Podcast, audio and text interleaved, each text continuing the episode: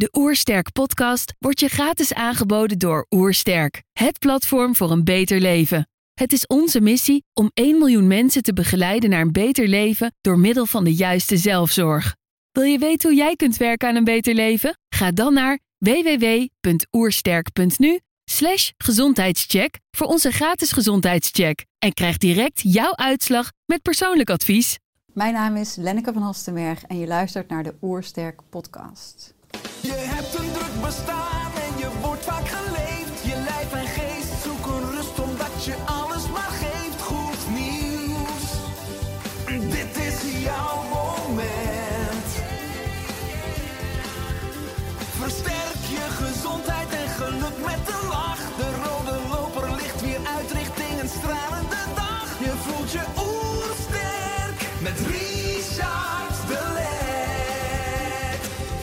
We zijn hier in Heemskerk voor een podcast met Lenneke van Hastenberg. Lenneke is psychologe, PRI-therapeut en opleider. Ze leidde toen ze jong was aan anorexia nervosa. Ik ben benieuwd naar haar tips voor een beter leven. Trouwens, geniet je van onze podcast? Abonneer je dan en laat een reactie of review achter. Zo help je ons om het gezondheidsvirus te verspreiden. Let's start! De Oersterk Podcast. Een ontdekkingstocht naar een beter leven. Lenneke, welkom. Dank je. Ik lees op de website van PRI. Past reality integration gaat ervan uit dat wij als volwassenen de wereld vaak zien door de bril van de afweermechanismen die we als kind hebben moeten ontwikkelen. Deze afweermechanismen zorgen ervoor dat we de pijn die we als kind hebben ervaren niet hoeven te voelen. Het zijn er echter deze afweermechanismen die ons als volwassenen het meest doen lijden, omdat ze onze waarneming van het heden zo sterk vertekenen. Angst, somberheid, boosheid, overspannenheid en gebrek aan werkelijk contact zijn en veroorzaken in het heden onze problemen.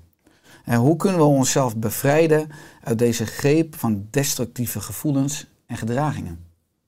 Nou ja, in die zin zou je, als je het hebt over peri, het- het, is natuurlijk te positioneren als een therapie, maar eigenlijk is het meer een bewustzijnsleer. En we kunnen ons bewust worden van, hé, hey, achter onze klacht in het hier en nu, of dat nou is, ik voel me somber of boos, of ik heb een verslaving, of ik ben gestrest, of dat er eigenlijk, hè, dat er een echt, het, het echte probleem zit onder de klacht aan het oppervlakte.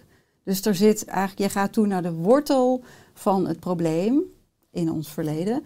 En van daaruit ontstaan er allerlei percepties, emoties, gedragingen in het nu, die niet langer helpend of functioneel of zelfs destructief zijn, maar die voortkomen uit het onbewuste stukje, een vroegere imprint zeg maar, van iets wat we mee hebben gemaakt.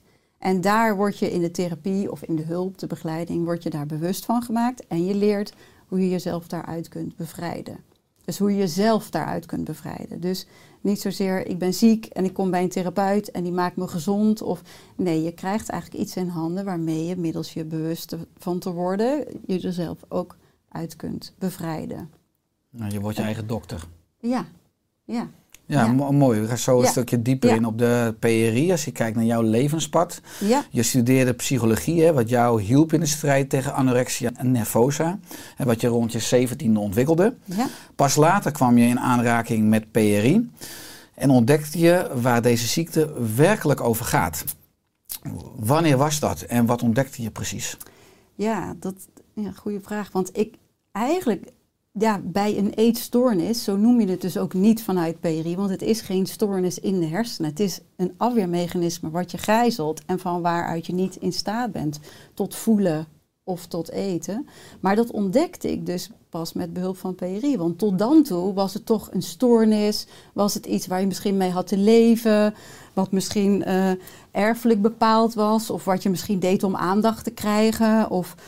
Maar eigenlijk klopte dat dan niet met mijn interne gevoel. Want ik dacht, ja, het gaat helemaal niet over dun willen zijn of niet willen eten. Want tot dan toe had ik ook prima kunnen eten. Maar ik voelde wel, er is iets wat mij blokkeert. En eigenlijk met behulp van PRI ging ik pas zien van, oh wacht, er is een onderliggende pijn, er is een onderliggend trauma waar ik me niet bewust van was, waar ik ook in al die jaren therapie of psychologie-studie eigenlijk nog nooit bewust van was geworden. Pas toen ik dat blootlegde en ontdekte wat dat was, kon ik echt ten diepste begrijpen van, oh oké, dat overlevingsmechanisme van niet kunnen voelen of niet kunnen eten.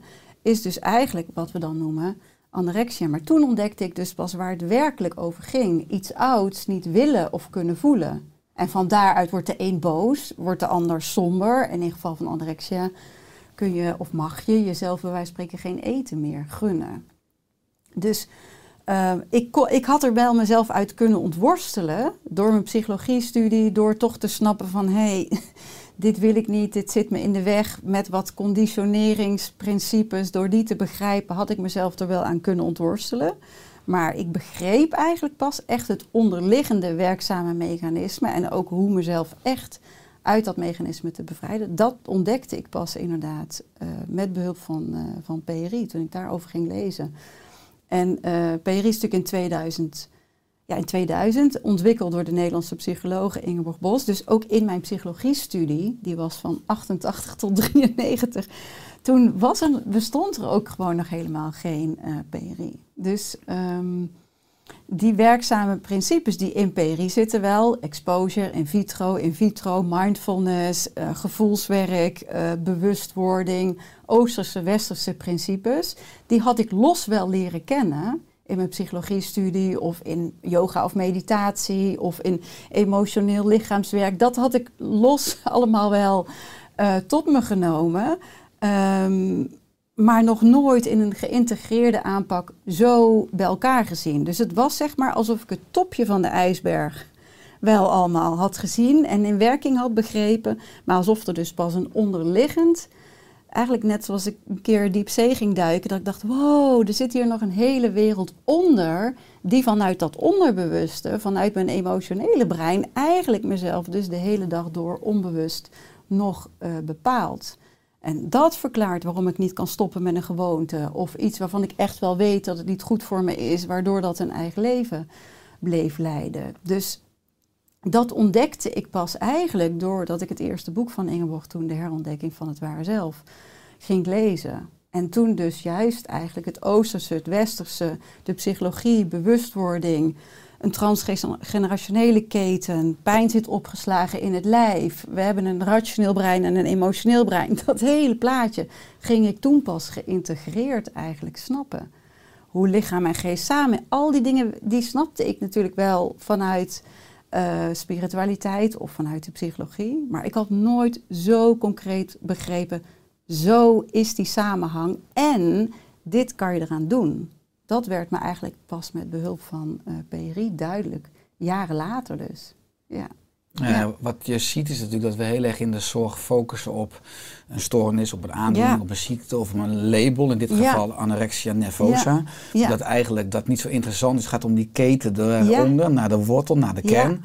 Nou, ik las inderdaad ook van het gaat niet over dun worden, het gaat over niet mogen, hè, over niet voelen. Ja dat raakt inderdaad aan die essentie. Ja. Nou, als je kijkt naar anorexia, in Nederland lijden ongeveer 5600 mensen aan anorexia. Vaak meisjes, maar ook jongens. Ja. Er komen ieder jaar 1300 bij. Ja. Anorexia is de meest dodelijke van de psychiatrische aandoeningen. Mensen overlijden door slechte lichamelijke conditie of hè, door zelfmoord. Mm -hmm. uh, uit een Sembla-docu van 2019 blijkt dat er per jaar tussen de 5 en 10 procent overlijdt aan de aandoening. Dus zo 300 à 500 mensen per jaar, hè, wat ruim één persoon per dag is, ook Mhm. vandaag. Mm -hmm. En in de reguliere behandeling wordt vaak dwang gebruikt. Uh, wat is jouw visie hierop? Ja, nou ja, dwang versterkt eigenlijk dwang. Want het is al een dwangprobleem. Eigenlijk is het al dwangproblematiek. Want je gaat jezelf al, je gaat tellen, je gaat, of het nou calorieën zijn, of dwangmatig bewegen, of dwangmatig restricties opleggen. Dus het is van binnenuit al dwang. Als je daar dan van buitenaf nog dwang uh, opzet, ja, dwang en dwang, dat versterkt elkaar. Dus, regulier is focus heel erg op aankomen en gewichtstoename, hè, ja. waar dwang voor wordt ja, ingezet. precies. En, en die dwang kan ingezet worden door een eetlijst, door niet te mogen bewegen, door niet te mogen uh, douchen, uh, door bepaald beleg te moeten eten, door je boterham zo te moeten smeren. Dus dat begint eigenlijk al bij de eetlijst. En dat kan dan ergere proporties gaan aannemen, tot en met meisjes die natuurlijk gefixeerd worden. Uh, 24 uur uh, per dag en dan met, middels een zonde uh, dwangmatig ook gevoed worden. En gefixeerd voor de luisteraar, kijken, zeg vastgebonden, vastgebonden. worden aan bed. Ja. ja. En um, d- daar, daarvan, ehm, als je dan niet kijkt naar het onderliggende probleem, versterk je dus eigenlijk alleen maar, ja, onbedoeld, de, de symptomen, de klachten.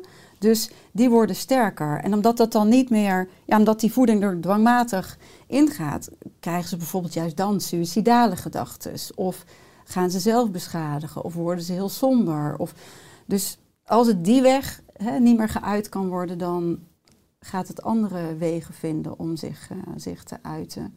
Ehm, vaak zie je dus ook dat, dat, dat meisjes, soms, soms inderdaad ook jongens, dat die vanuit na een dwangbehandeling, dan soms is PTSS of complexe PTSS en allerlei dwangklachten, overgehouden hebben aan de behandeling zelf. Dan mogelijk, dus in het gunstigste geval, een paar kilo aangekomen zijn. Ehm, maar A, die zijn er in veel gevallen zo weer af. En ze hebben dan nog dat hele eh, ja, complexe eh, scala aan klachten overgehangen juist aan die dwangbehandeling. Dus ik zeg daarmee niet dat het nooit eh, in geen enkel geval noodzakelijk kan zijn. Hè? Dan hangt het ook nog samen van hoe wordt de dwang ingezet? Is het met compassie, met empathie, met uitleg, met, hè? of is het gewoon met de bottebel eh, erin? Ehm, maar de, ervaring leert ons wel dat om er heel, heel, heel eh, terughoudend in te zijn. Zo terughoudend als maar kan.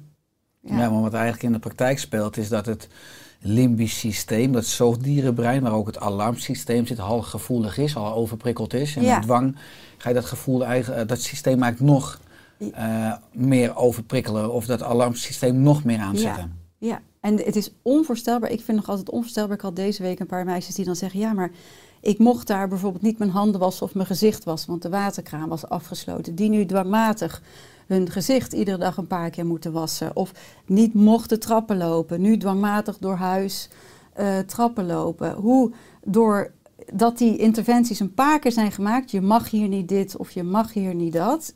Ehm, ja, wat hun eigen leven vervolgens die eh, dwang eh, eh, gaat leiden. Dat, dat, dat, ja, met, met hele lange, ernstige gevolgen. Dus ehm, ja, daar waar het anders kan, of in ieder geval ook direct aandacht kan zijn van wat zou er onderliggend aan de hand kunnen zijn. Want er zit een soort strafsysteem ook in. Van bij die zonde bijvoorbeeld brengen we er een in van 8 of 9 millimeter. Je neusdoorgang is wel maar 7, maar dan doet het ook nog pijn. Dus dan ga je dit in ieder geval niet meer willen. Of zes keer krijg je dwangvoeding, dan gaan we zes keer die zonde in en uit doen. Want dan wordt het een horrorervaring en dan ga je dit niet meer willen. Dus de, Ga je wel eten om dat te Ja. voorkomen als het ware. ja.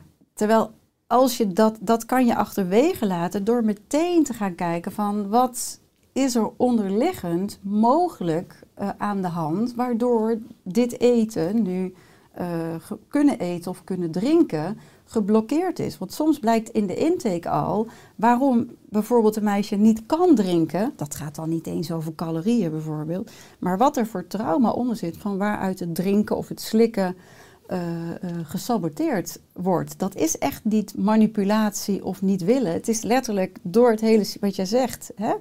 de hele sympathicus stress is al, oh help, ik kan niet drinken.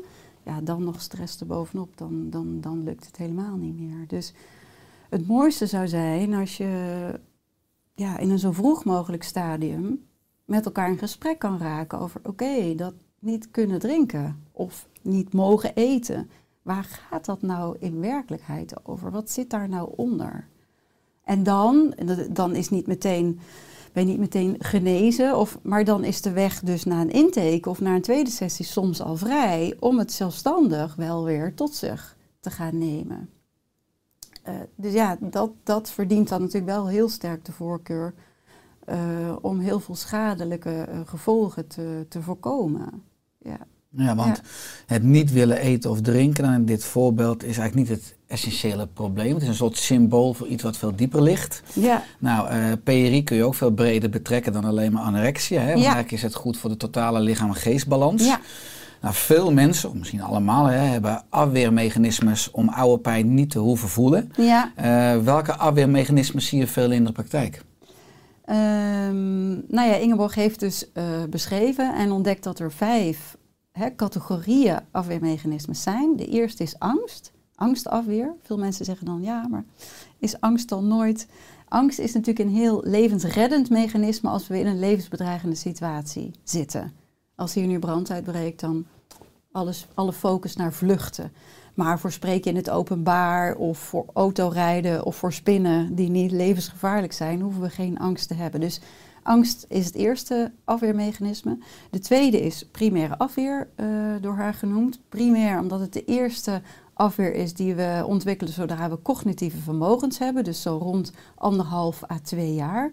En de primaire afweer zijn allerlei gedachten die ik maar kan hebben over mezelf en een negatieve term. Dus ik ben niet leuk genoeg, ik ben niet slim genoeg, ik ben te groot, ik ben te klein, ik ben te dik, ik ben te dun. Schuld, schaamte of oh, ik kan het niet aan, het is allemaal te veel. Dus depressieve gevoelens, minderwaardigheidsgevoelens, gevoelens van zelfhaat, die zitten in die categorie. Dan heb je valse hoop en valse machtafweer die zijn adrenaline gedreven. Dus valse hoop is als ik nou maar nog beter mijn best doe, uh, nog meer studeer, nog meer mijn anderen help, hogere punten haal, nog dunner ben of juist nog dikker ben, dan ben ik oké, dan krijg ik wat ik nodig heb. Valse macht is boosheid naar anderen. Dus um, als de ander nou maar eens anders zou doen, dan zou het voor mij, dan zou ik krijgen wat ik nodig heb. Dus van lichte irritatie tot razernij, dus veel oordelen hebben of wantrouwend zijn naar de wereld, vallen daar bijvoorbeeld ook onder. En de vijfde categorie afweer is ontkenning van behoeften. En dat is eigenlijk, ik heb niets nodig, er is geen probleem, veel relativeren, rationaliseren. Het is eigenlijk een deksel over nare of vervelende gevoelens heen. Ehm, veel verslavingen zitten bijvoorbeeld in, uh, in die categorie. Niet, uh, niet om een keer uh, een glaasje wijn te drinken, bij wijze van spreken, maar als je alcohol drinkt om andere gevoelens te dempen, of als je veel gamet om andere gevoelens te, te hè, of beschadigt. Dat noemen we dan ontkenning van behoeften. Nou, we hadden het net even over anorexia. Dat is natuurlijk ook een extreem voorbeeld van ontkenning van behoeften. Hè? Niets nodig mogen hebben, zelfs geen eten of drinken meer bijvoorbeeld. Dus dat zijn de vijf afweermechanismen die zij uh, heeft onderscheiden. En ze vervangen dus eigenlijk de DSM-5 labels van je hebt een stoornis. Dus als je depressieve klachten hebt, heb je dus in onze bewoordingen veel last van de primaire afweer. Als je paniekaanvallen hebt, heb je dus last van angstafweer. Als je veel boos bent op de wereld, heb je dus veel last van valse machtafweer. En um, dat vind ik zelf wel heel prettig, ook als psycholoog aan PRI, dat het gelijkwaardig is. Dus het is niet jij bent nu ziek en je komt, of ik ben ziek, of nee, we hebben afweer. We hebben allemaal last van afweer, de een wat minder dan de ander. En daar is iets aan te doen. Dus het is aan de ene kant heel verontschuldigend. Het is niet je bent gek of je bent te complex of chronisch of leer hier maar mee leven. En aan de andere kant empowert het je wel van je kan er wel iets aan doen. Je, je, als je wil, uh, kan je hier uh, uit en is hier iets aan te doen. Ja. Zijn er mensen zonder trauma's, zonder afweermechanismes, dus mentaal onbelast? Als er verlichte mensen zijn, wel. Maar die ken ik dan niet op die manier. Nee. Dus Want, maar omdat je ze schetst, hè, vijf, en ik ja. herken ook een paar smaken, dan denk ik, hé hey, vrek, daar ben ik. Ik denk iedereen die luistert, kijkt, denkt, hé ja. hey, vrek, dat gaat over mij. Nummertje één, nou, herken ik. Uh, nummer twee ook een beetje. Maar als mensen luisteren en kijken, net als ik, dan denk ik, ja, potverdikkie, uh, fijn dat ik het weet, maar wat kan ik eraan doen? Wat, wat is stap twee? Wat zou een eerste stap kunnen zijn om uh, eventueel die afweermechanismes wat meer in balans te brengen? Ja, nou als je, als je het al weet en erkent, dat is natuurlijk wat jij zegt al stap 1. Want ja, als je nog zit in, ik heb geen afweer en ik heb geen oude pijn, dan... Ik mankeer niets. Ja, dan, dan verschijnen ze natuurlijk ook niet in ons uh, beeld uh, vaak. Dus, uh, dus maar, het eerste is het licht er al op, ja, op durven schijnen eigenlijk. Ja, en het erkennen. Ja, en, en niet alleen dat is licht aan de ander dat ik me zo voel. Maar ja, ik, ik heb last van angst of ik heb last van onzekerheid. Of ik ben vaker boos dan dat ik zou willen. Dus dat kan ehm, heel laagdrempelig zijn. En, maar de eerste stap, als je erkent van ja, daar heb ik last van of daar wil ik iets mee, dat is al een hele belangrijke stap één. Want dan is die bewust, dat bewustzijn is er dan al. En dan, ehm, dan kan je dus of met begeleiding, of door een van de boeken te lezen, of door een online course te volgen, kan je gaan kijken van nou, in welke situaties heb ik die angst nou bijvoorbeeld? Of wanneer voel ik me onzeker? Of hey, die verslavings, dat verslavingsgedrag, wanneer speelt dat nou vooral op? En dan ga je dus stap voor stap bewust worden. Dan ga je kijken wat eronder zit. En dan leer je ook de stappen van hoe kan ik me daar vervolgens uit bevrijden. Het is cognitief snappen hoe zit het, emotioneel voelen, hé, hey, wat zit hieronder? En gedragsmatig dan natuurlijk wel bijvoorbeeld gaan doen waar je bang voor bent. Ja, dus ehm, die drie pijlers is, die, die zitten alle drie vertegenwoordigd in PRI. Cognitie, gedrag en gevoel. Ja. Ja, sterk. Ja. Als je kijkt naar de moderne maatschappij en de moderne samenleving, de bubbel waarin we leven, in de cultuur, Mhm. is het dan ook makkelijk om eh, bepaalde afweermechanismes al te triggeren? Ik denk er ook aan dat het fantastisch zou zijn als we stellen die zwanger zijn of zwanger willen worden al bepaalde emotionele en mentale vaardigheden geven. Ja. Want wat ik bijvoorbeeld las op de website, Ja, eh, vroeger was het advies om kinderen als ze huilden gewoon te laten huilen. Hè? Eh. Nou, wat is het resultaat? En zie je Ja. dit vaak terug in de praktijk. Dus met andere woorden, hoe kunnen we als maatschappij eh, nog beter opvoeden? Wat, wat over ons allemaal gaat. ja. Ja dat, dat is ook wel een droom van, Ingeborg beschrijft in haar boek over opvoeden van jeetje, als inderdaad zwangere vrouw of zelfs al voordat je hè, eraan denkt om Preconceptie, ja. Ja, dan al hier bewust van zou kunnen we allebei van je eigen emotionele bagage. Wat een wereld van verschil zou dat in die transgenerationele keten geven van pijn die onbewust doorgegeven wordt. Dus dat zou echt fantastisch zijn. Ook als we op scholen hier al over zouden praten, eh, gewoon, hè, dat het zo werkt en waar je mee zit. Ehm, maar ik denk dat, ehm, ja, hoe kan je ik denk dat. ehm, even terug naar wat was jouw vraag? Hoe kan ik dit zo kort mogelijk. Want wat was jouw vraag? Nou, de vraag was in essentie dat de maatschappij, de cultuur misschien bepaalde afweermechanismen triggert. Hoe we als maatschappij, als mensen leven. Ja. Maar ook dus dat voorbeeld dat we vroeger vanuit het consultatiebureau aan ouders meegaven van als je kind huilt, laat gewoon huilen, stop wel. En, en het kan geen kwaad. Hè? Ja. Dat, dat- Ja, want dat is wel heel goed dat je dat zegt. Want bij trauma denken mensen vaak aan dan heeft er misbruik plaatsgevonden te hebben of fysiek geweld. Maar bijvoorbeeld, ik kwam er ook in mijn verleden achter dat dokter Spock was in de tijd toen mijn moeder mij hè, als baby kreeg. Iets wat, wat echt ja, bij haar gepropageerd werd toen nog door de huisarts. Van, hè, dat ze echt niet verwennen, laten huilen, niet oppakken. Hè, dan, zij heeft dat heel consequent eh, toegepast. Ehm, vanuit beste in- Vanuit- intenties dus. ja, denken vanuit van liefde, zo. Ja, maar dat laten huilen, dat blijkt inderdaad al een heel verkeerd afgesteld eh, eh, stresssysteem eh, te geven. Waardoor je juist op latere leeftijd, nou ja, dat heb ik dus meegemaakt, niet meer goed afgesteld staat op je eh, behoeftes. Niet een keer laten huilen, maar dit was dan consequent en langere tijd. Ehm, daar zie je dus dat onbedoeld dingen die we met elkaar denken, nou die zijn goed, die kunnen dus, ja, dat, dat kan trauma zijn. Dus trauma vanuit PRI bezien is niet, we zijn allemaal geslagen of gemisbruikt. Dat kan ook, maar het kunnen dus ook eh, dit soort dingen zijn geweest. Een traumatische geboortes, eh, een, een, een zwangerschap waarin complicaties zijn geweest. Hè. Dus het kunnen allerlei prenatale en perinatale en latere eh, dingen zijn geweest. Ehm, maar daar zou je wel van hopen van, hey, geef daar informatie over bij consultatiebureaus, eh, eh, op school, eh, voordat je zwanger wordt. Want dat voorkomt wel heel veel latere problemen. Want die blauwdruk die in die eerste tijd gelegd wordt in dat brein, hè, vooral de eerste drie jaar, of eigenlijk ook de eerste negen maanden en het eerste jaar. Er is natuurlijk nu zo'n document of zo'n van eerste duizend dagen, hè, hoe belangrijk die eerste duizend dagen zijn. Ja, hoe meer die informatie natuurlijk het grotere publiek eh, bereikt en we dan al bewust met onszelf aan de slag kunnen gaan, ja, dat gaat natuurlijk wel echt een hele verschuiving geven in een, in een fysiek, maar ook geestelijk gezondere eh, volgende generatie. Want ik, kwam op mijn pad omdat ik al vier jaar medisch onverklaarbaar niet zwanger raakte. En eigenlijk pas doordat ik toen me bewust werd van wat er bij mij nog aan pijn eh, zat, onbewust.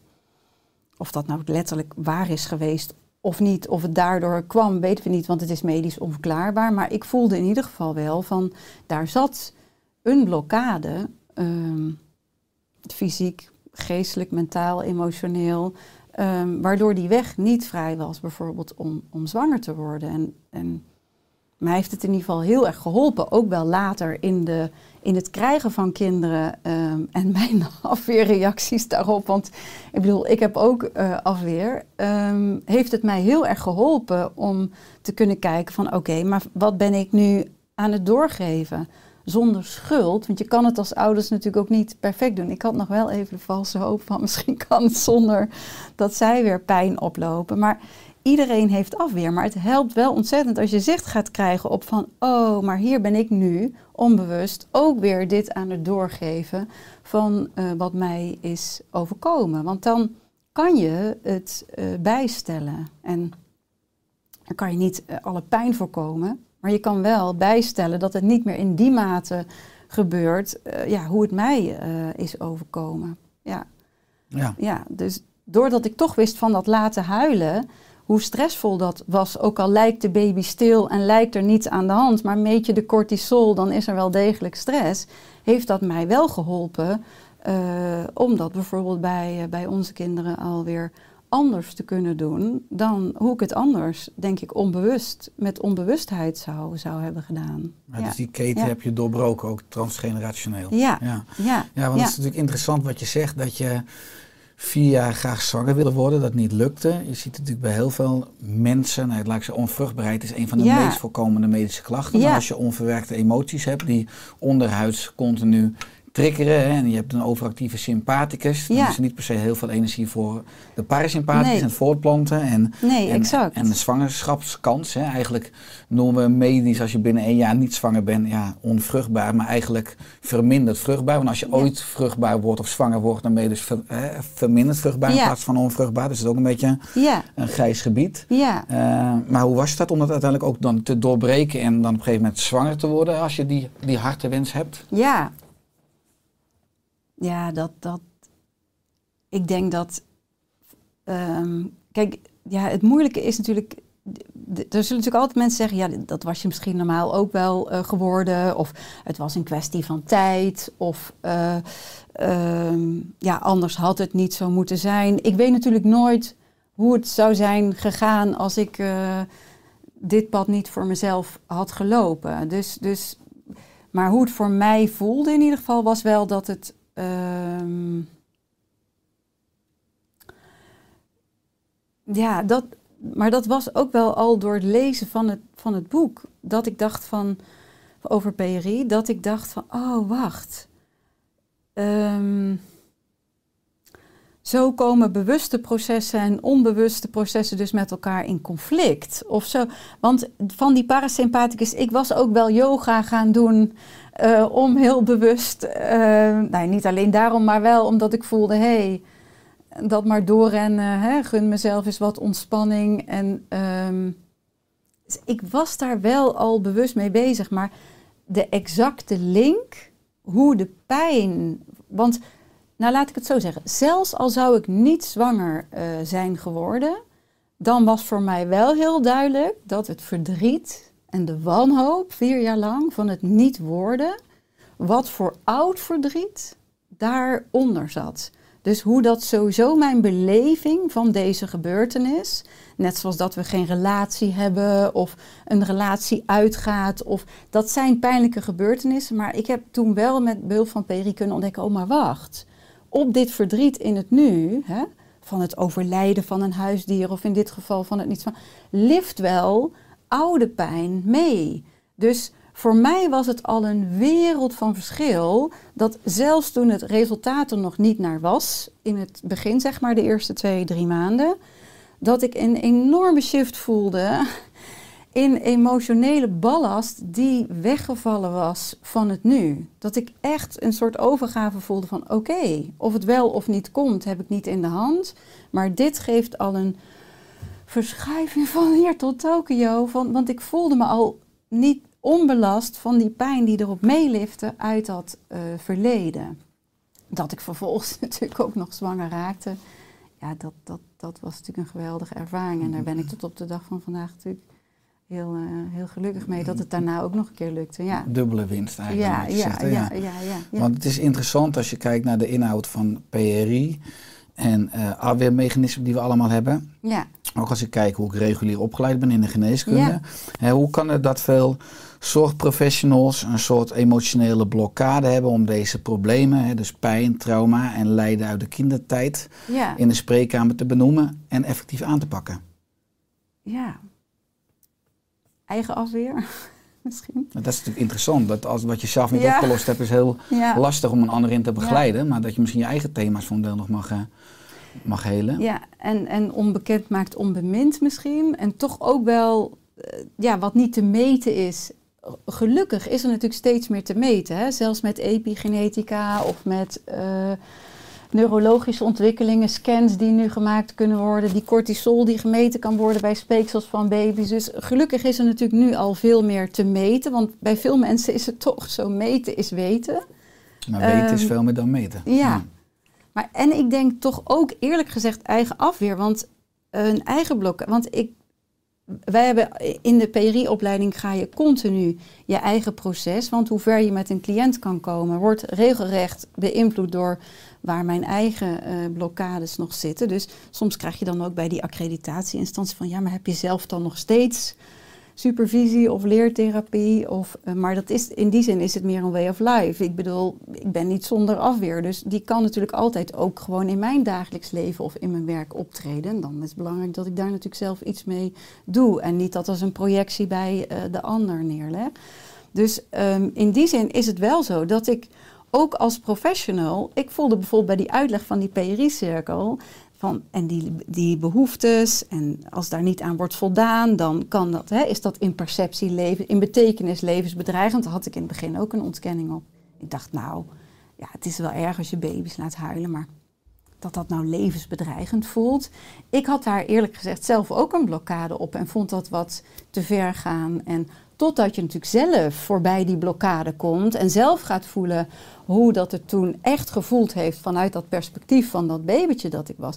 Toen was ik daar doorheen. Dus ik kan me voorstellen dat, dat er bij veel professionals die medisch, in, die in dat medisch model zijn opgeleid, en niet in dat biomedisch model of zo, maar echt in dat medisch model, ja, dat daar nog wel eigen onwetendheid en ook eigen blokkades inderdaad zitten. Die had ik zelf als psycholoog ook, bijvoorbeeld. En dus als mens. Ja, Ja. nou mooi als Ja. je dat aangaat, hoe je dan ook Ja. kan groeien hè, als behandelaar en als zorgprofessional. Ja, En wat je aangaf dat PRI ontwikkeld is door eh, Ingeborg Bosch, ja, een Nederlandse psychologe. ja, Eh, onder andere dus auteur van het boek De herontdekking van het ware zelf, wat je aangaf. En nog vijf andere boeken inmiddels over PRI. ja, Eh, jij bent haar rechterhand en PRI-opleider en eh, supervisor. ja. Eh, wat brengt dit jou? Hmm. Ehm, nou ja, om, haar, om dit uit de eerste hand nog zo van haar als grondlegster mee te leren, dat is natuurlijk gewoon, ja, dat is een unieke kans. Want de, ja, bedoel, PRI is overdraagbaar, is aan te leren door andere professionals en door cliënten. Want anders dan zou er geen school zijn of geen opleiding. Of, maar het is wel heel, eh, het is wel echt fantastisch om het natuurlijk uit eerste hand van de grondlegster zelf nog te, te leren. Dat is iedere dag een genot. Verder is het een fantastisch mens. Ik vind ook dat we met een psychologe van eigen Nederlandse bodem die dit ontwikkeld heeft, zouden we als Nederlanders eigenlijk wel iets trotser mogen zijn. Want de, erkenning komt toch nog vooral internationaal. Hè? Het eerste wetenschappelijk peer-reviewed, wetenschappelijk verschenen artikel is natuurlijk in Canada verschenen. Er is nu ook interesse vanuit Australië. Dus de, internationaal is de erkenning er eerder nog, denk ik, dan, eh, dan vanuit Nederland. Dus het is fantastisch wat zij eh, ontwikkeld eh, heeft. En ehm, om, om iedere dag als opleider of supervisor of als therapeut hier in de praktijk mee bezig te zijn, ja, dat is wel echt. Daarom voel ik me wel heel dankbaar. Want ik heb als psycholoog me best wel vaak onbevredigd gevoeld bij recidiverende, hè, bij terugkerende problematiek of bij maar gesprekken voeren en denk ja, dit is het niet helemaal. Ehm, voel ik me wel iedere dag bevoorrecht dat ik ehm, ja, op deze manier mag leven en mag werken op een manier waarvan ik denk, ja, dit klopt. Dit is logisch, dit is voor iedereen begrijpelijk te maken, voor jonge kinderen, voor ouderen. Ehm, ja, daar voel ik me wel heel erg dankbaar voor en bevoorrecht in. Ja. Ik kan me wel goed Ja. voorstellen. Je bent niet meer aan het dweilen met de kraan open hè, Nee. met, eh, met PRI. Als je Nee. kijkt dat we met PRI kunnen werken aan ons eigen systeem of ons eigen rugzakje met ballast. Het is ook interessant dat we als mens veel relaties hebben. Eh, lees ik ook terug hè, op de website. Hoe kun je nou, ook als je een relatie hebt met een partner, hoe kun je nou in een relatie ook samen vrijer worden en groeien vanuit het perspectief dan van PRI? Ja, ja. Nou, dat is wel heel mooi, want ehm, uiteindelijk gaat PRI natuurlijk inderdaad over het herstellen van die verbinding met jezelf. Maar daardoor ook juist in verbinding, meer in verbinding komen met de wereld om je heen. Met kinderen, met partner, met nou ja, alle mensen, met dieren. Ehm, en eh, Ingeborg schreef er een boek over, inderdaad. Onze liefde heet het. En daarin zie je ook van, oké, dit proces kan je natuurlijk voor jezelf gaan. Hè? Meer uit die afweer en meer in het nu werkelijk leven. Want dat is natuurlijk een heel mooie uitspraak van leef meer in het nu. Maar ik had daarvoor ook wel mijn spirituele bypasses. Waardoor ik wel in het nu leefde en mediteerde. Maar eigenlijk de negatieve gevoelens onbewust aan het, aan het wegmediteren was. Om eh, hè, ehm, meer dan zogenaamd in het nu eh, te zijn. Maar dan het andere weg. Dus voor mij is daar ook wel een andere ontwikkeling nu gekomen. ehm, door dat niet meer als een spirituele bypass te zien, maar en-en. Dus je gaat je eigen weg, maar in een relatie, als je natuurlijk allebei die weg gaat, van oké, waar zit mijn afweer? Hoe haken we ook in een black box qua afweren op elkaar in? En hoe krijgen we ook daar een relatie-afweeridentiteit van als de een ja, van die cliché-voorbeelden de afwasmachine niet heeft, dat de ander zich daar alweer aan irriteert. Ik kan ook altijd, want het gaat natuurlijk heel vaak begint het met van die kleine En een sok in de hoek. ja, en dat vind ik wel heel mooi aan het boek ook Onze Liefde. Dat zien we ook wel met stellen die dat samen gaan doorwerken. Dan zie je wel, ik kan natuurlijk zorgen dat ik van een half hè, een, meer heel eh, word. Maar als je dat samen doet, zie je natuurlijk ook dat er ruis en blokkades en gigantische afweer tussen die relatie uitgaat. En je echt ook meer in verbinding kan leven eh, met elkaar. Want anders gaat over het algemeen na de eerste verliefdheid, na de eerste periode, gaat die afweer juist in relaties. Hè, ga je ontzettend symbolisch eh, worden voor elkaar. En ja, bedelft die afweer over en weer over op een gegeven moment gewoon echt de liefde die aanvankelijk nog stroomde. Als we daar even van uitgaan dat dat er wel was in het begin, wordt die op een gegeven moment helemaal bedolven onder projecties en, en juist afweer, door afweer ingekleurde eh, beelden van elkaar. Met hele nare gevolgen natuurlijk, die eigenlijk niemand... Ja, je gaat niet bij elkaar, met elkaar een relatie beginnen om natuurlijk dan daarin zo te eindigen. Dus ehm, daarin zien we natuurlijk ook mooie effecten op het moment dat of één van de twee, maar het liefst natuurlijk allebei, op die manier in relatietherapie bijvoorbeeld in gesprek raken met elkaar. Niet ik ga nou eens even vertellen wat er mis is met jou, maar we gaan kijken van hoe worden we nou symbolisch voor elkaar en wat zit daar nou werkelijk achter, wat we op elkaar aan het projecteren zijn. En dat is natuurlijk wel heel fijn voor het stel samen, voor mensen in de omgeving, voor eventuele kinderen. Ehm, geeft dat wel weer echt heel veel ehm, ja, open verbinding. En weer ehm, ja, een- een hernieuwd stromen zeg maar, van de liefde die er ooit wel was, maar bedolven is geraakt onder die afweer. Ja. Ja. Ja. Want ik zag op de website ook een docu over PRI. Ja. Eh, Het laat zien dat we een primaire afweer hebben bij een trauma om angst niet te hoeven voelen. Ja. Daaroverheen komen, zoals je aangaf, vaak valse hoop, hoop en of valse macht. Ja. En vaak de bovenste laag is ontkenning van behoeftes. Ja. Eh, dit opbouwen van afweer redt ons als kind, hè, maar brengt ons later in de problemen. ja. Als je dan weer teruggaat naar die kinderen, hè, wat zouden we kinderen al mogen of moeten leren? Ook bijvoorbeeld in het basisonderwijs. Ja, het is heel mooi, want we hebben een aantal projecten gedaan op basisscholen, vrijwillig, zeg maar, ideeel vanuit eh PRI en ook op middelbare scholen. Dan leer je ze dus eigenlijk al praten over die emoties waar ze last van hebben. Bijvoorbeeld, ik ben boos of ik ben bang. Of, en dan al snappen van, oh maar wacht, dat word ik vanuit iets ouds wat er geraakt wordt. Zelfs als ze dan nog helemaal niet weten wat dat is, dat geeft al een begrip voor dat gevoel wat ze anders helemaal uh, overvalt, bijvoorbeeld. Dus ouders kunnen natuurlijk daarin ehm, in hun opvoeding het nodige doen naar kinderen. Hè? Dat ze, ehm, ja, wat, wat Ingeborg dan beschrijft als GVS. Tuurlijk grijp je in als de gezondheid in het geding is, de veiligheid, of er schade aan derden kan zijn. Als iemand nu hier mhm. bloempotjes door de ruimte. Hè, maar in alle andere gevallen probeer zoveel mogelijk gewoon in contact te gaan met wat is er nou wat het kind zo raakt. Eigenlijk wat ik net al beschreef met die meisjes met anorexia, ga met ze in contact van wat raakt je nou zo waardoor je niet kan eten? Of waardoor je buikpijn hebt, of waardoor je niet kan slapen. Wat is er mogelijk hè, wat je dwars zit of wat je niet prettig vindt?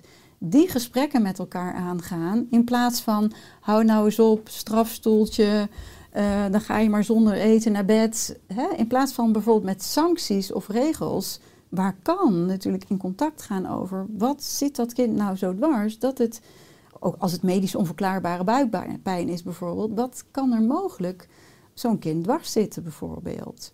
Ehm, en ook niet van wij zijn hier de baas of we moeten één lijn trekken hier of alsof het kind toch iets ja, minder waardigs is eigenlijk. In plaats van ook daarin wel, ehm, ja, het is ook een, een zielenwezen. Het is niet wij zijn de baas en de ander ehm, heeft het nakijken. Dus en als ouder merk je ook op het moment dat je eigen afweerprojecties naar een kind ertussenuit zijn. Dus bijvoorbeeld een vader die toch denkt van ja, die baby die, uh, hè, die is mij aan het. Uh, die probeert mij nu al een beetje hè, voor het karretje uh, te spannen. Dan ga ik mooi niet me toe laten lenen. Die ontdekt wat daar voor eigen pijn onder zit. Die zegt ook, ja, ik kan mijn zoontje nu veel openhartiger, hè, als baby al, tegemoet treden. In plaats van dat ik er toch iets achter zoek, achter dat gehuil bijvoorbeeld. Ehm, dus ja, je, je opvoeden krijgt een andere kleur. Het is samen leven. Het is in verbinding met elkaar leven en dus ook in contact gaan op het moment dat er daarin verstoringen of onprettigheden zijn. Dat, ik denk dat als je bijvoorbeeld ook ziet in de praktijk, maar ook bijvoorbeeld bij onze eigen kinderen, als er iets is waar ze bang voor zijn, of iets waar ze tegenop zien, of een dag dat ze gewoon echt niet lekker in hun vel zitten, is het de automatische vraag meer van jeetje, maar wat heeft je geraakt? Want die afweer komt op doordat jou iets geraakt heeft wat gewerkt heeft als een symbool. Dus dat wordt veel meer het gesprek in de klas, ook met docenten of met juffen bijvoorbeeld, waar we dat project mee deden. Die gingen dus ook kinderen anders benaderen. Die gingen dus in plaats van, ja, dat is het vervelende kind, of die zetten we dan even apart, of die uh, gingen ze natuurlijk het gesprek aan van, uh, tuurlijk, als je een kind op het hoofd slaat, dat mag niet. Er zijn grenzen, veiligheid en geen schade aan derden, maar wel in gesprek gaan van, ja, maar jeetje, wat is het vandaag dat je zo in de contramine zit? Of wat is het dat je vandaag zo uh, verdrietig bent? Kan je er iets over? Dus je herstelt eigenlijk het lijntje naar je gevoel voor jezelf, maar je helpt een kind eigenlijk dus ook weer het lijntje herstellen naar dat uh, gevoel.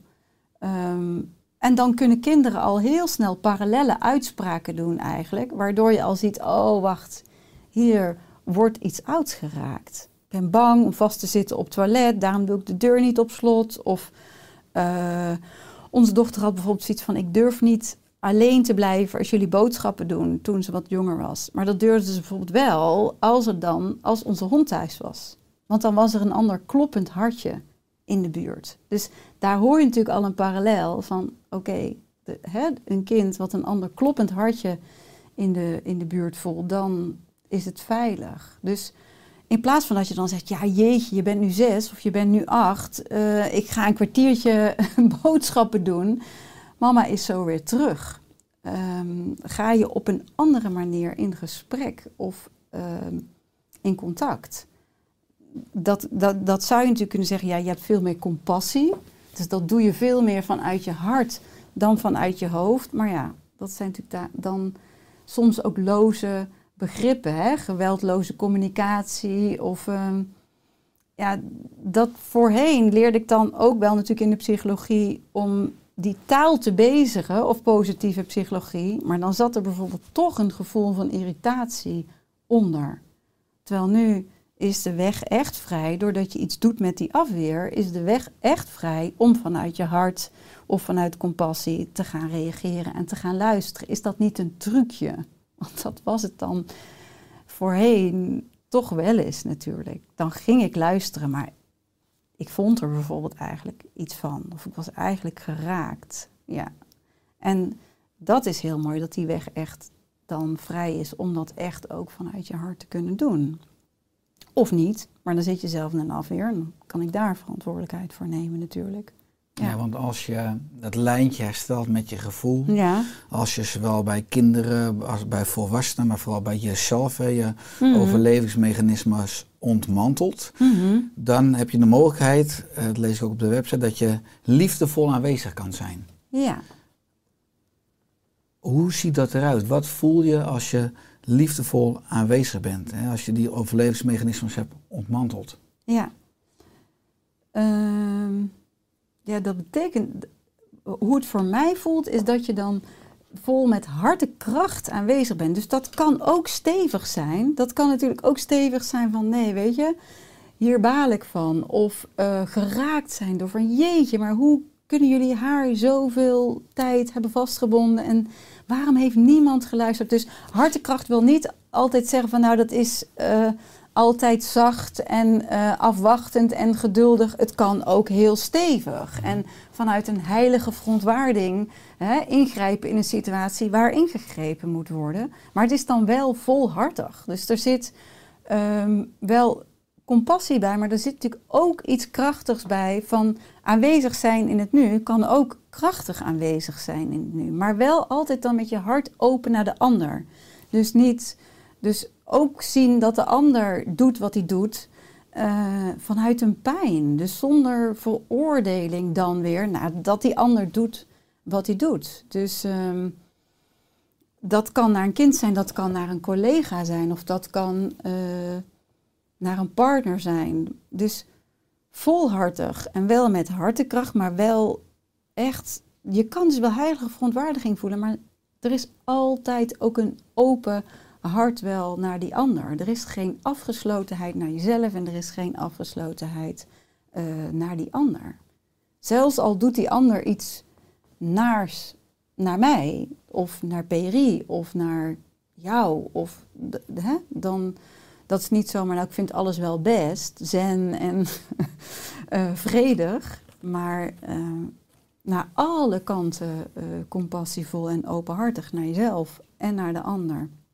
Maar wel gaan staan voor onrecht of voor de waarheid of ehm, Voor je kernwaarden. ja, Ja. ja, En wat mooi is dat PNI is, PRI is een soort brug tussen het aardse en het spirituele. Nou, je Ja. noemde al net al dat heel veel mensen toch nog denken vanuit meten is weten en wetenschap. Nou, Ja. Op dit moment vindt er wetenschappelijk onderzoek plaats naar de effecten van PRI bij anorexia. ja, En dat gebeurt door de Hogeschool Leiden en de Universiteit van Amsterdam. ja. Zijn de eerste resultaten al bekend? Ja, dus er is een eerste.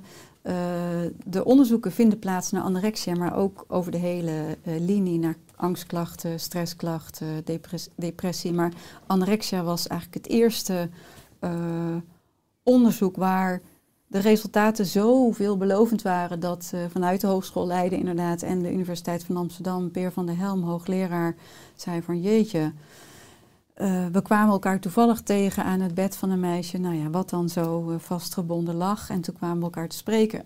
Hij kwam ook met Ingeborg, eh, Ingeborg in contact en zeiden, ja, jullie hebben hier over te gaan publiceren. Dit is zo baanbrekend en dit zijn zo'n veelbelovende resultaten bij een groep die er zo slecht aan toe is en uitbehandeld is met failed treatment. Dus toen is dat eigenlijk in no time is daar een eerste internationale eh, peer-reviewed eh, eh, publicatie over verschenen. Dat is wel een preliminary study, dus dat, is, dat waren 13 eh cliënten. Dus dat, dat, dat, dat, dat vervolgonderzoek, dat loopt nu. Ehm, niet alleen bij anorexia, maar over de, met problematiek over de hele linie. Ehm, omdat je natuurlijk, we zien wel in de klinische praktijk dat het werkt, maar het is, het is natuurlijk wel heel waardevol om ook te kijken van ja, als je het dan gaat meten en gaat aantonen en gaat beschrijven, hoe werkt het dan? En hoe succesvol is het? En hoe blijvend is het? En is dit toeval? Of hè, gaan we dit resultaat dadelijk over een grotere groep eh, gemeten zien?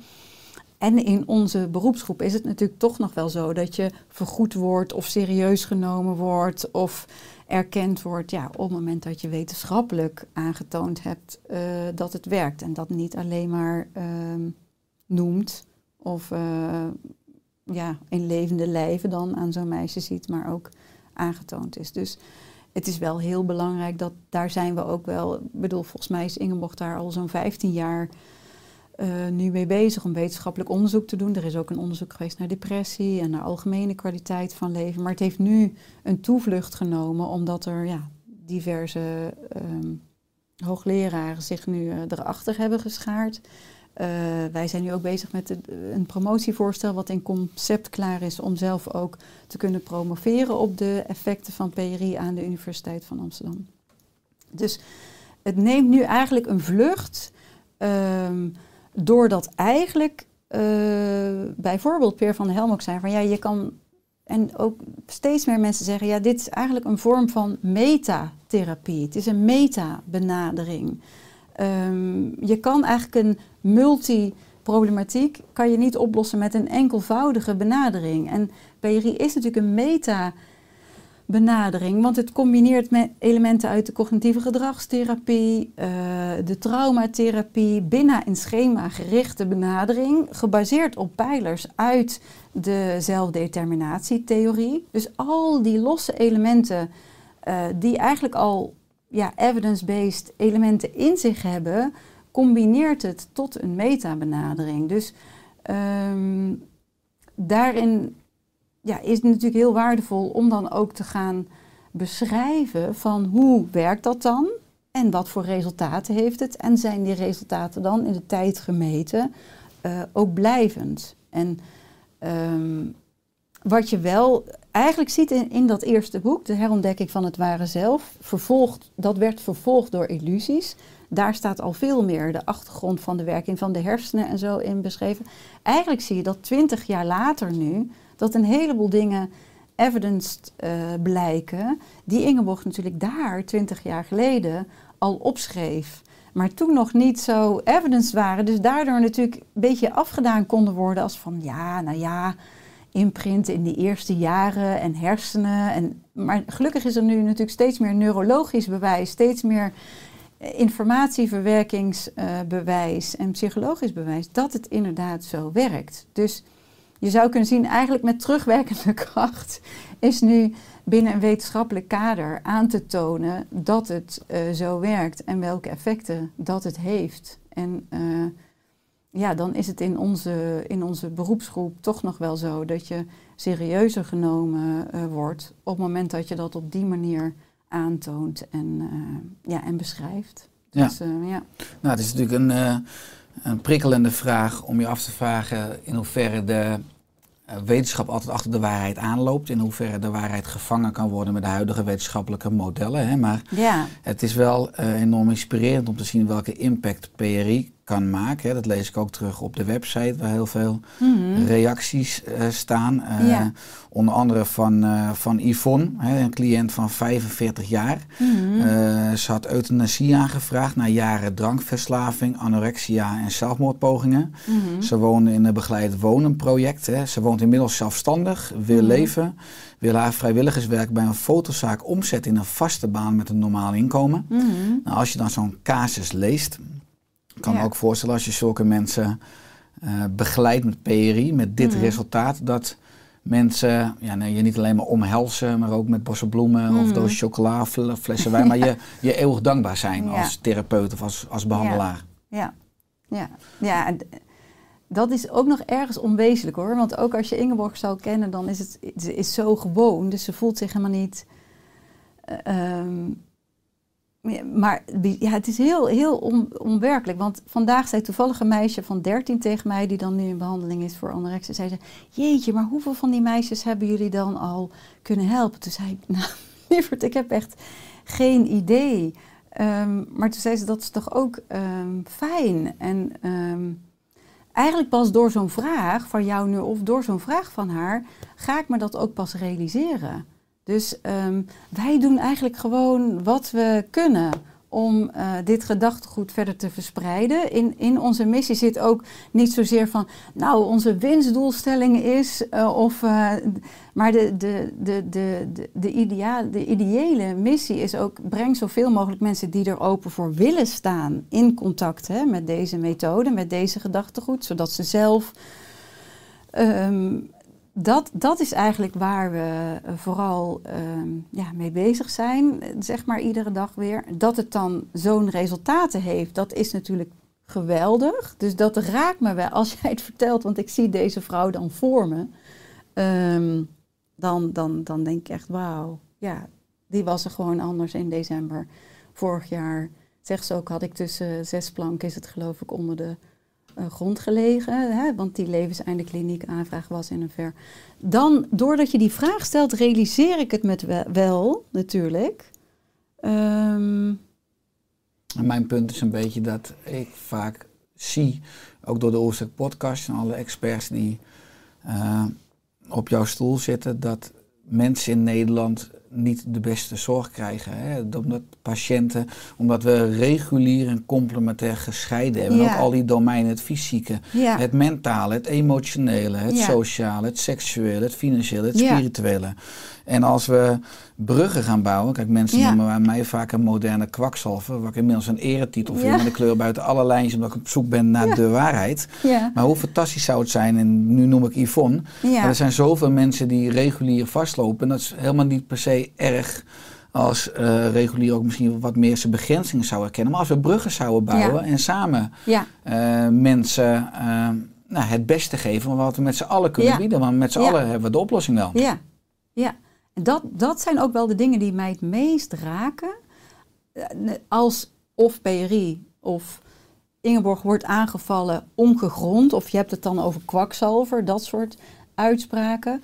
Of als ik bijvoorbeeld van de week weer hoor van een kinderarts dan in een, in een gerenommeerd ziekenhuis of zo. Nou, PRI werkt niet.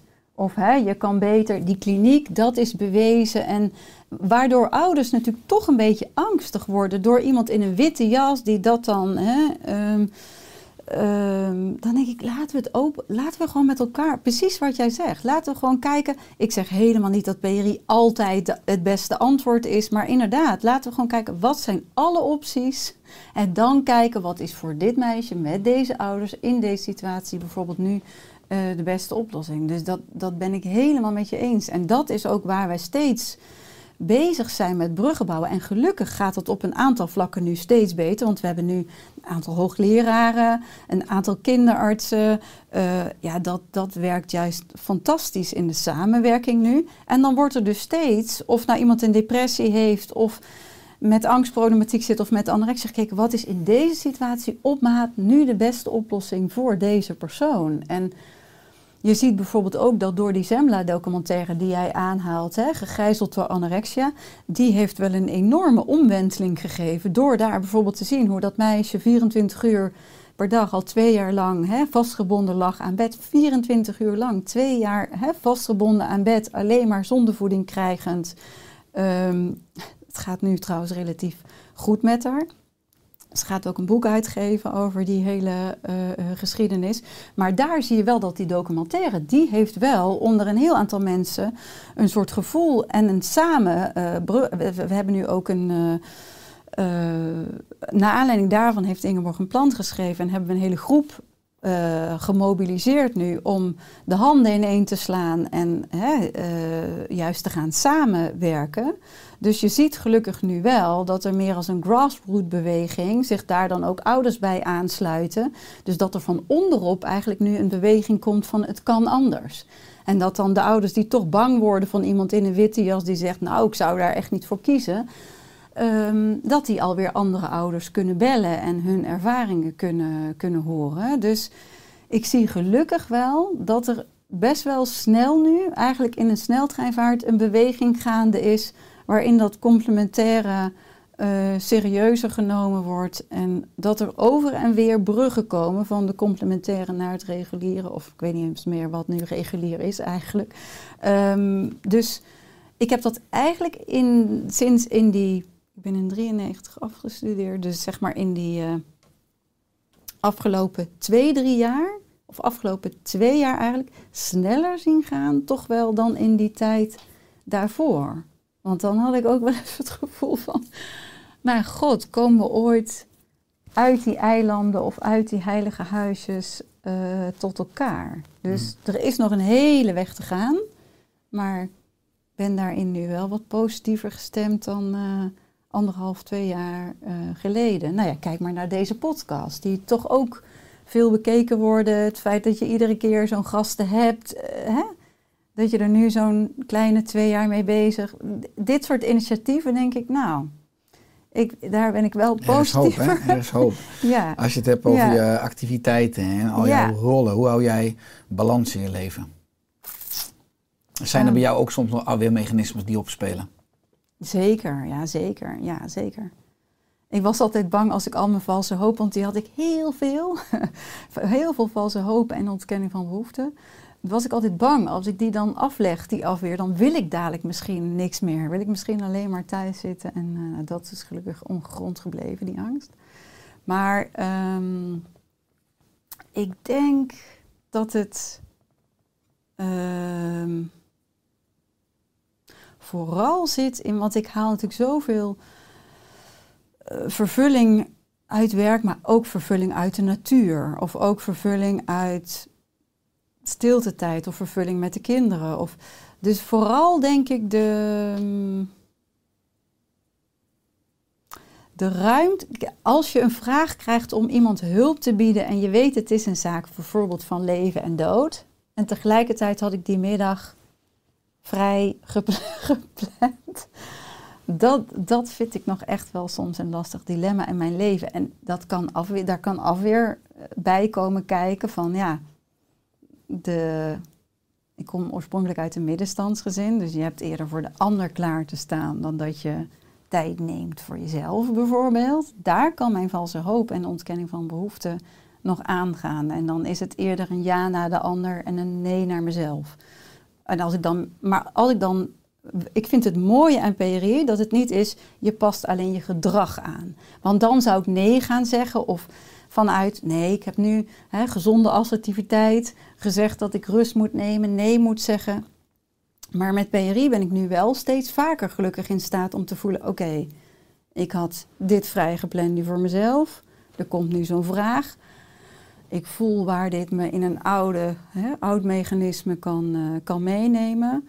Als ik dan gewoon naar het nu kijk en ik kijk naar mijn eigen behoeften en naar die van de ander op dit moment, dan kan ik daar een veel eerlijkere weging op toepassen. En het mooie aan PRI vind ik dat het niet is, dan is mijn gedrag dus altijd nee zeggen of tijd voor me. Dan kan het zelfs dus zo zijn dat ik vanuit echt een open keuze zeg van oké, maar in dit geval kies ik er dan toch voor om hè, dat kruis in mijn agenda bijvoorbeeld even te niet te doen, omdat in dit geval, en dan kan ik ook wel volhartig op dat moment bijvoorbeeld dat gesprek of dat bezoekje doen.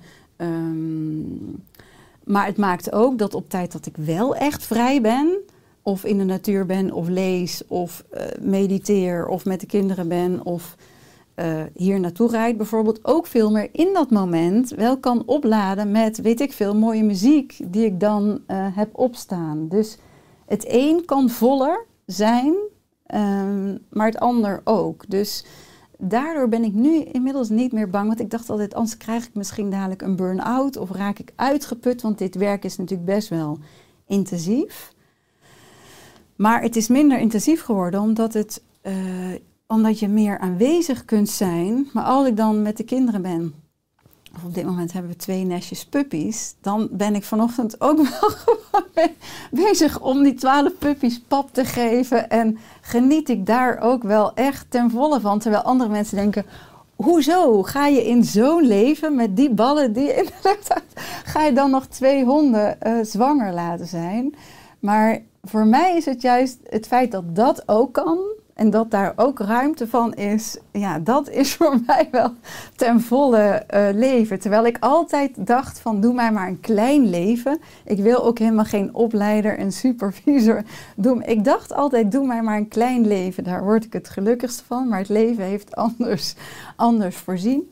Ehm, nu denk ik van oké, het, het, het, het ten volle leven zit hem voor mij dus meer eh, hierin. In dan ten volle eh, kunnen zijn en ook wel dolgelukkig zijn van ehm, ja, of die puppies die daar ronddartelen of eh, genieten van eh, een meisje thuis die er Spaans mondeling aan het voorbereiden was. Dat ik echt denk, wow, wat een overgave en wat een, ehm, ja, wat een mooi kind is, is dit. En wat een zegen om daar moeder van te mogen zijn.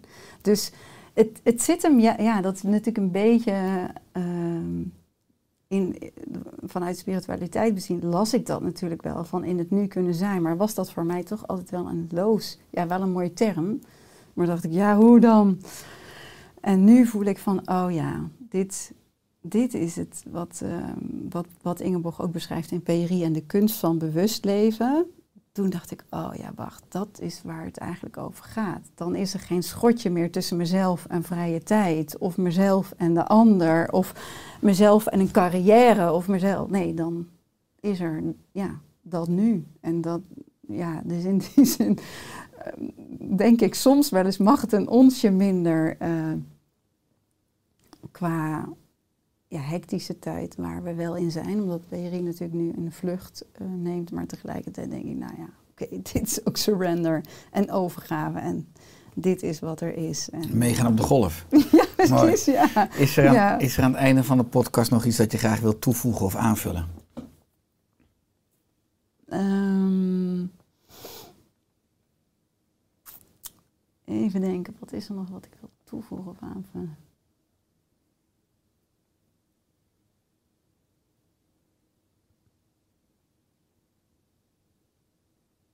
Tja, wat is er? ehm, ehm,